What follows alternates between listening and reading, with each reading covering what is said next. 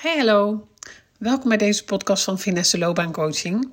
Podcast voor mensen die heel graag gelukkig willen zijn in hun werk, maar niet weten wat die baan moet zijn.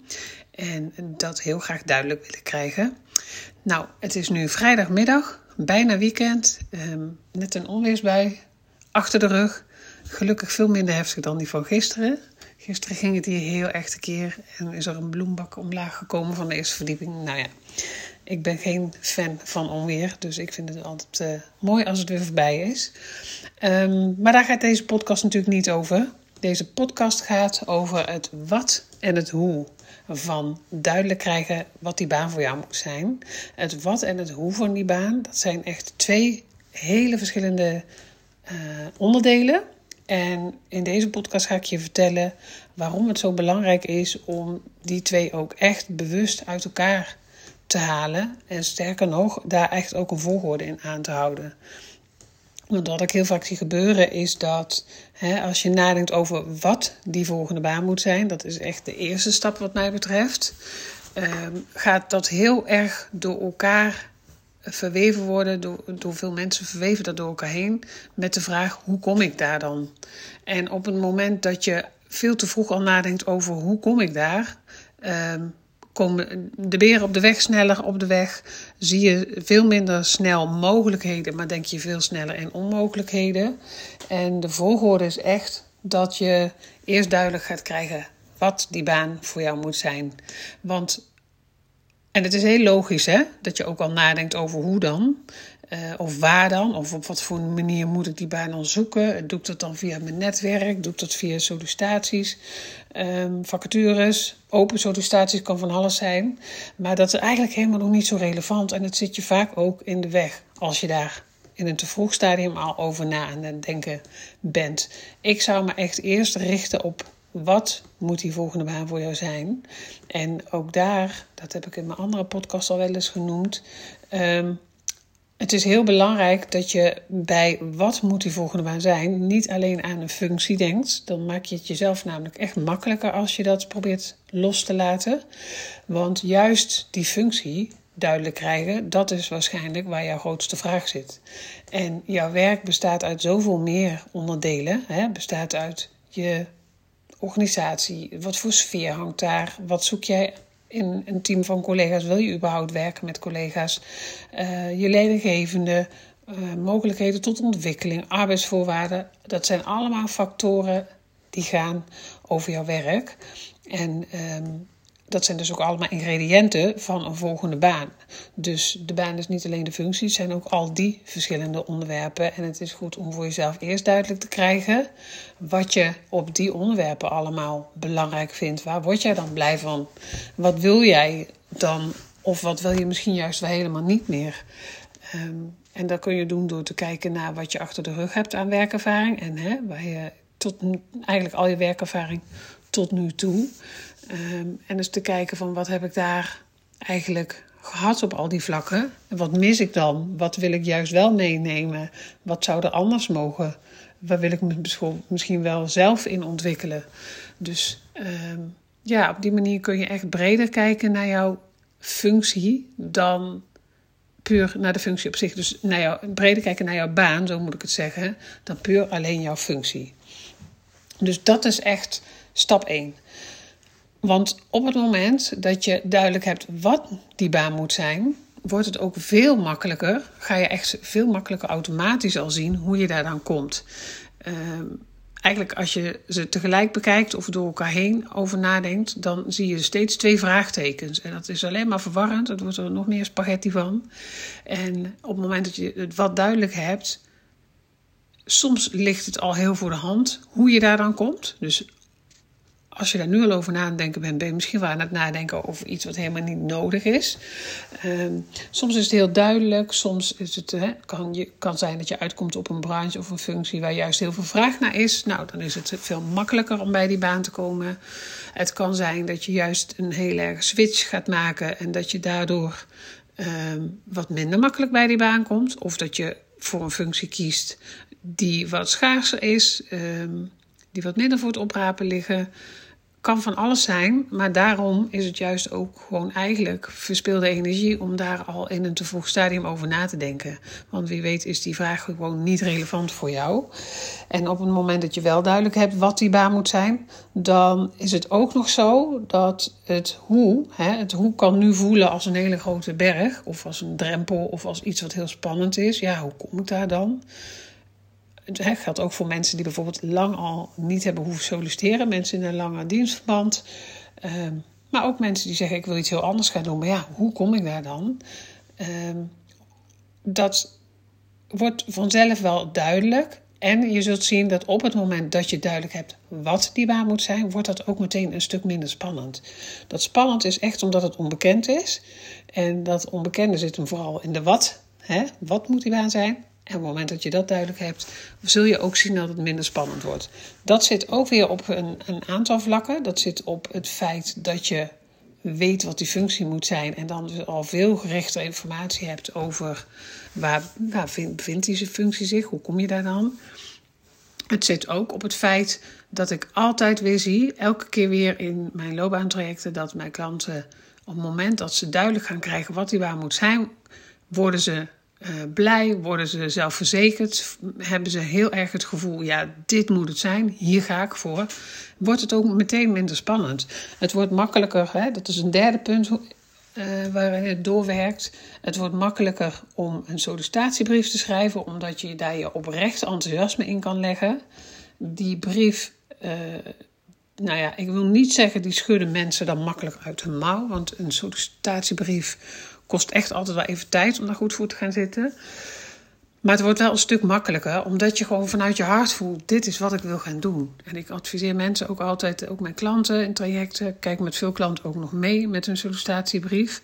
Ik heb natuurlijk ja, 20 jaar ervaring uh, in het doen, uitvoeren ook van uh, sollicitatieprocedures, in het aannemen van mensen. Dus uh, ik heb daar ook echt wel een mening over. Wat moet er nou in een goed cv staan en wat moet er vooral ook in een goede brief staan? Wil je daar uitspringen, wil je de werkgever bereiken? Maar op het moment dat jij voelt van, oh ja, maar dit is waar ik heel blij van word, dan kun je dat makkelijker op papier zetten. Je kunt het ook makkelijker toelichten in een sollicitatiegesprek. En dan is het nog goed dat je goed voor zo'n uh, sollicitatiebrief en de cv gaat zitten. Maar je zult wel zien, en dat is dan de tip die ik altijd geef aan mensen: doe dat op een manier die bij jou past.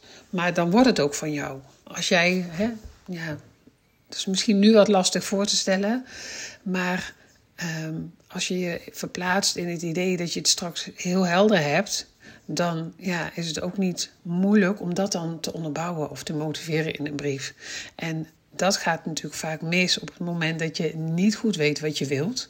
Dan kan het maar zo zijn dat je er tegenaan loopt dat als jij solliciteert, dat je merkt, ja, die brief lukt me niet helemaal. Ik ben er eigenlijk niet helemaal van overtuigd. Nou, dan kan dat maar zo betekenen dat je ook niet wordt uitgenodigd. Want een werkgever is echt op zoek naar dat enthousiasme, naar die overtuiging.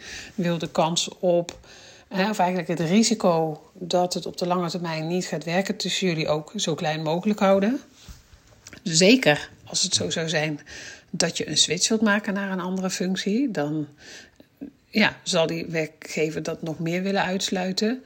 En daarom is het dan gewoon ook belangrijk dat je die brief, dat je gewoon weet dat mocht jij ontdekken van ik ben aan het solliciteren en het lukt me niet goed om daartussen te komen, om uitgenodigd te worden, om uh, op gesprek te kunnen gaan, dan kan het maar zo zijn, of het kan er maar zo aan liggen dat dat komt doordat jij gewoon je, je enthousiasme en die volledige overtuiging in die brief ook niet over kunt brengen.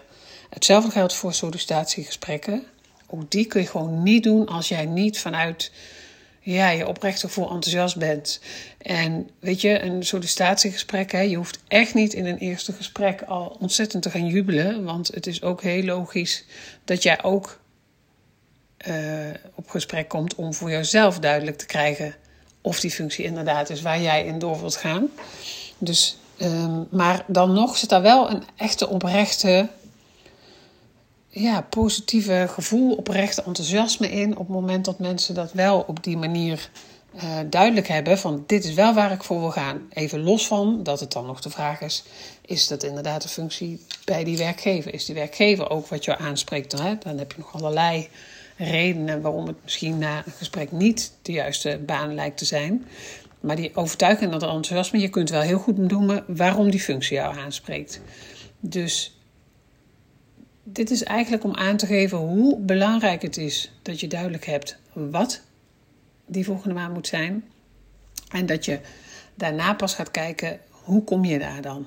En uh, nou, hoe kom je bij die baan? Ook daar zijn eigenlijk verschillende.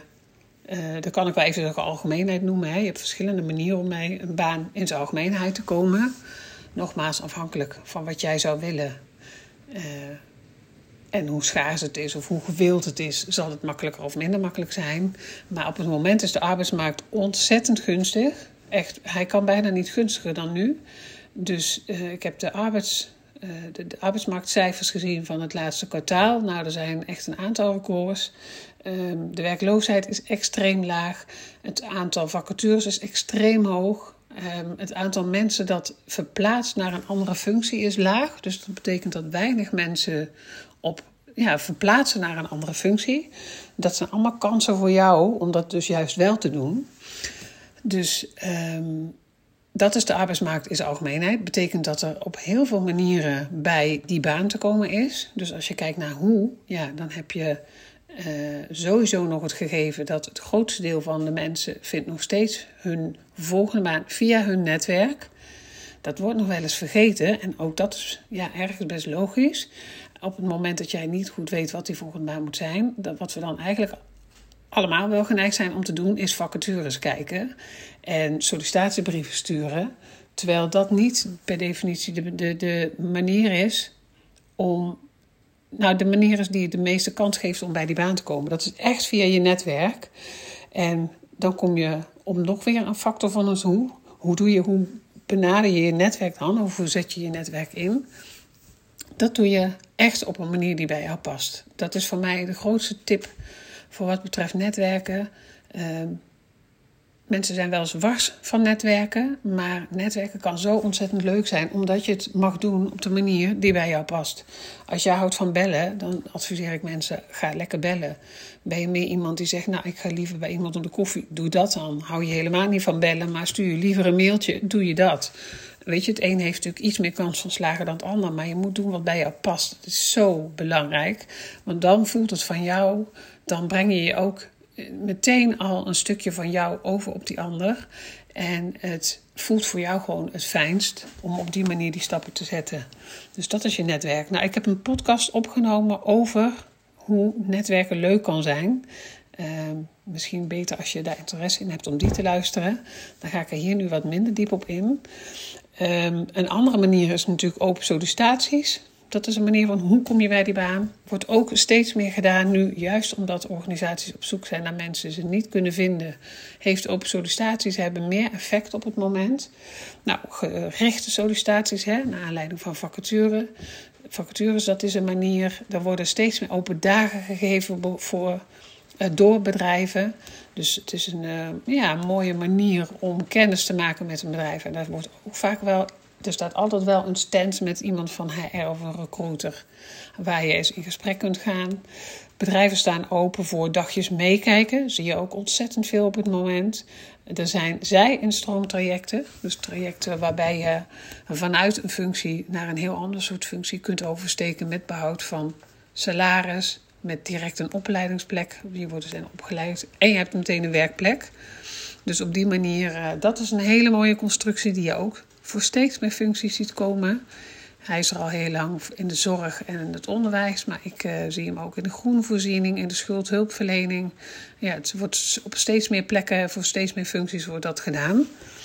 Um, nou, en dan heb je verder nog alle, hè, het LinkedIn, de platforms waar je, ja, waar met name LinkedIn wordt wel ontzettend veel gebruikt, wordt ook heel veel op gezocht. Um, op het moment, dat hoorde ik ook bij die cijfers van het eerste kwartaal, 37% van de mensen wordt op het moment benaderd door een recruiter of een werkgever. Heeft waarschijnlijk te maken met het feit dat weinig mensen verplaatsen naar een andere baan. Dus gaan werkgevers en recruiters daar dan zelf uh, meer naar op zoek. Maar dat is ook echt een hoog percentage, hoger dan ooit. Betekent dus ook echt dat het belangrijk is. Ja, in mijn ogen is dat echt belangrijk. Ik krijg de vraag best wel eens van, ja, wat vind je van LinkedIn? Ik zou echt zorgen dat je daar een goed profiel hebt. Want het is gewoon helpend. Mensen kijken op LinkedIn, uh, ook bij sollicitaties. Uh, weet ik ook uit eigen ervaring. Hè. Bij HR keken we ook altijd als we een cv keken. Zo gingen we toch even op zoek online van, nou, wat heeft iemand precies voor achtergrond, voor werkervaring. Dus daar zochten we vaak ook wel een LinkedIn-profiel bij. Dus ik zou hem zeker zorgen dat je die op orde hebt. Ook die kun je weer echt zo invullen zoals jij bent. Ik zou proberen alles wat te maken heeft met solliciteren, netwerken, doen op de manier die bij jou past. Want dan komt dat ook het beste aan. Voel jij je daar het meest prettig bij? En je kunt je toch niet afstemmen op die ander. Dat is onmogelijk. Um, je weet nooit wie de ander is, wie de werkgever is, wie die recruiter is, wat hij precies zoekt, wat hij hoopt dat je zegt. Um, geldt voor sollicitatiebrieven, maar geldt ook voor sollicitatiegesprekken. Uh, ja, ook dat weet ik als geen ander. Ik heb zelfs hele rare vragen gehad in het verleden ooit bij sollicitatiegesprekken van welk huisdier zou je willen zijn? Nee, welk dier zou je willen zijn? Tot welk spreekwoord geldt voor jou? Nou, dat soort vragen zijn voor mij echt heel lastig, want dat werkt in mijn hoofd dan altijd zo dat ik eerst moet nadenken: oké, welke dieren heb je allemaal? Welke past dan bij mij? Nou, ik heb toen nog net kunnen inslikken. Ik wilde eigenlijk zeggen: een poes, lekker warm binnen op de verwarming slapen. Maar toen dacht ik, dat ik denk niet dat dat het meest ideale antwoord is op deze vraag hier nu, als ik die baan wil. Nou, dat spreekwoord kon ik helemaal niet meer uit de voeten, want ik moet dan echt een soort van bak spreekwoorden eh, hebben om te kunnen kijken welke heb je allemaal en welke geldt dan voor mij. Die tijd heb je natuurlijk niet. Nou, zo extreem heb ik het gelukkig uh, niet vaak meegemaakt. Ik ben het ook niet geworden in die sollicitatieprocedure en dat vond ik ook niet erg. Ik had er ook niet zo'n klik. Ehm, maar om maar aan te geven, je weet gewoon niet wat die ander van je verwacht, wat hij wil horen, wat hij zal vragen. En daarom kan je maar één ding doen en dat is jezelf zijn. Zo dicht mogelijk bij jezelf blijven. Ehm, van jezelf uitgaan, goed nadenken, wat wil jij eigenlijk weten en vragen. En doe dat echt allemaal op een manier die bij jou past. Dus dat is wat mij betreft echt een belangrijke volgorde. Eerst het wat, probeer dat hoe maar helemaal te parkeren nog en te denken, weet je, dat hoe komt vanzelf als je straks weet wat die baan moet zijn. Eerst maar eens dat wat duidelijk krijgen. Dus ja, dat is wel um, wat ik je echt aanraad. En mocht je nou zeggen, ja, ik uh, ben al best lang aan het nadenken over wat die baan nou voor mij moet zijn. Ik kom daar maar niet uit. Ik uh, word steeds ongelukkiger in mijn werk. Dat uh, weet ik uit ervaring, maar dat hoor ik ook vaak. Dat mensen zeggen, ja, ik ga, de, de, de lijn is echt wel dalend qua werkplezier. Op het moment dat het al begint te kriebelen. Dus mocht je zeggen, nou, het is voor mij echt tijd om verder actie te ondernemen. Dan uh, nodig je je van harte uit om contact met me op te nemen als je wil dat ik eens met je meedenk. Dat kan via contact.finesse-loopbaancoaching.nl En wat ook een optie is, is dat je een keer aansluit bij mijn masterclass. Die geef ik regelmatig. Dat is de masterclass Ontdek waar jouw hart ligt in je werk, waarin ik allerlei tips en inzichten deel die jou helpen onderzoeken wat die baan voor jou moet zijn. Het is een online masterclass via Zoom. Je kunt je op mijn website inschrijven via www.finesse-loopbaancoaching.nl schuine streep gratis masterclass. Dan ontvang je de Zoom link in jouw mail. En dan, uh, ja, daar staat ook meteen wanneer de volgende masterclass is. Het is vandaag 20 mei en de volgende is op 24 mei, dus volgende dinsdag. Uh, maar zo komt hij regelmatig terug, dus dat zie je op mijn site. Nou, ik zou zeggen heel veel succes met nadenken over het wat en het hoe. Um, en voor degenen die hem op vrijdag luisteren, een heel fijn weekend.